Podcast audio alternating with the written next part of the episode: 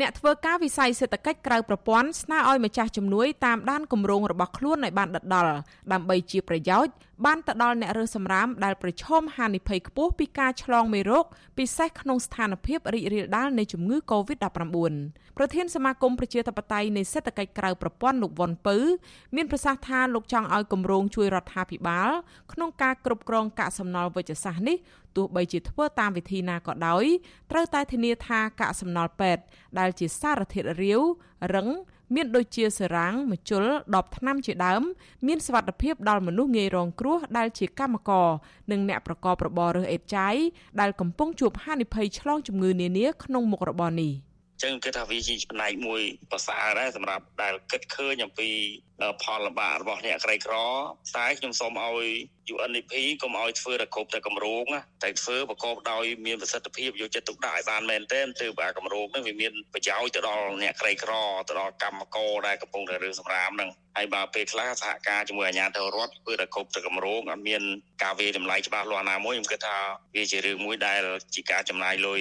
ចោលអត់ប្រយោជន៍ព្រោះខ្ញុំឃើញអង្គការខ្លះ គម្រោងជាមួយភាគីរដ្ឋាភិបាលពេលចប់ហើយរបស់របរហ្នឹងខូចខាតវិញត្រែខ្ញុំឧទាហរណ៍ថាគម្រោងអភិវឌ្ឍចិញ្ចឹមត្រីចិញ្ចឹមអីចឹងដល់ពេលគម្រោងចប់អ្វីៗវាចប់ដែរវាអត់បានផលអីណាអញ្ចឹងខ្ញុំចង់ឲ្យគម្រោងវាមានផលប្រយោជន៍សម្រាប់អ្នកក្រីក្រជាពិសេសអ្នករឿងសម្រាមហ្នឹងឲ្យបានពិតប្រាកដរីឯយុវជនស្រឡាញ់បរិស្ថាន ឬហៅថាយុវជនសម្រាមលោកសានដារាវិត សាទរដែលមានគម្រោងគ្រប់គ្រងកាកសំណល់វិជ្ជសាស្ត្រពិសេសឲ្យបានល្អ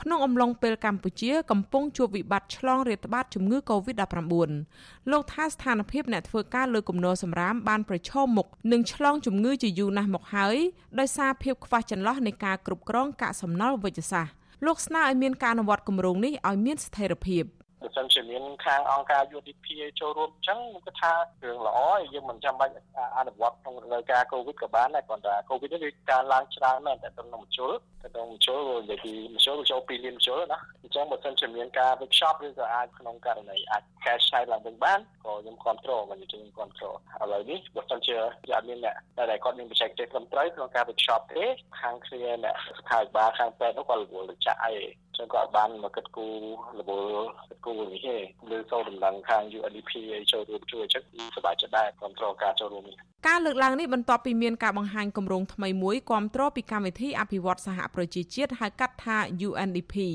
ជាមួយក្រសួងសុខាភិបាល ដើម្បីជួយដល់រដ្ឋាភិបាលក្នុងការគ្រប់គ្រងកាកសំណល់វិជ្ជសាស្ត្រ គម្រោងនេះមានការគាំទ្រហិរញ្ញវត្ថុនិងបច្ចេកទេសពីប្រទេសចិនតាមរយៈមូលនិធិជំនួយសហប្រតិបត្តិការសម្រាប់ប្រទេសកំពុងអភិវឌ្ឍន៍ សេចក្តីប្រកាសព័ត៌មានរបស់ UNDP កាលពីថ្ងៃទី7ខែមិថុនាបង្ហាញថា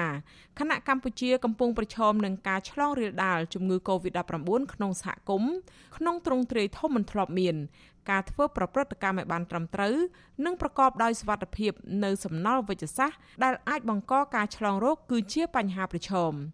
បច្ចុប្បន្នកម្ពុជានៅមិនទាន់មានឧបករណ៍ការពារខ្លួននិងបរិខាផ្សេងផ្សេងក្នុងការគ្រប់គ្រងសំណល់រឹងនិងរាវផ្នែកវិទ្យាសាស្ត្រព្រមទាំងអ្នកជំនាញនិងបទពិសោធន៍ដែលចាំបាច់សម្រាប់គ្រប់គ្រងសំណល់ដែលអាចបង្កការឆ្លងរោគគ្រប់គ្រាន់នៅឡើយទេ គម្រោងនេះមានឈ្មោះថាការរៀនសូត្រពីបទពិសោធន៍របស់ប្រទេសចិនដើម្បីបង្កើនសមត្ថភាពឆ្លើយតបទៅនឹងជំងឺ Covid-19 នៅក្នុងតំបន់អាស៊ីនិងប៉ាស៊ីហ្វិកផ្ដោតលើការគ្រប់គ្រងសំណល់វិជ្ជសាស្ត្រនិងផ្ដល់ការគាំទ្រដល់មូលដ្ឋានសុខាភិបាលចំនួន3នៅទីក្រុងភ្នំពេញក្នុងគោលបំណងផ្ដល់ឲ្យមូលដ្ឋានសុខាភិបាលទាំងនេះនៅបរិខាវិជ្ជសាស្ត្រក៏ដូចជាកសាងសមត្ថភាពបុគ្គលិកសុខាភិបាល និងអ្នកផ្ដល់សេវាអំពីការធ្វើប្រព្រឹត្តកម្មសំណល់រឹងនិងរាវ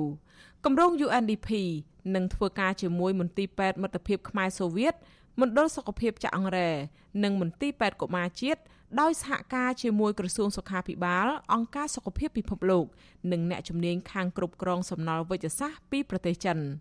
គម្រោងនេះក៏នឹងបន្តជំរុញឲ្យមានការសហការពីសហគមន៍ប្រជាពលរដ្ឋដែលរស់នៅក្នុងទីក្រុង ដើម្បីធានាឲ្យមានការគ្រប់គ្រងកាកសំណល់ដែលអាចបង្កការឆ្លងរោគឲ្យបានត្រឹមត្រូវដើម្បីបង្ការនិងកាត់បន្ថយគ្រោះថ្នាក់មកលើសុខភាពសាធារណៈនិងបរិស្ថានឲ្យនៅតិចបំផុតចា៎នាងខ្ញុំខែសុណងអាស៊ីសេរីរាយការណ៍ពីរដ្ឋធានី Washington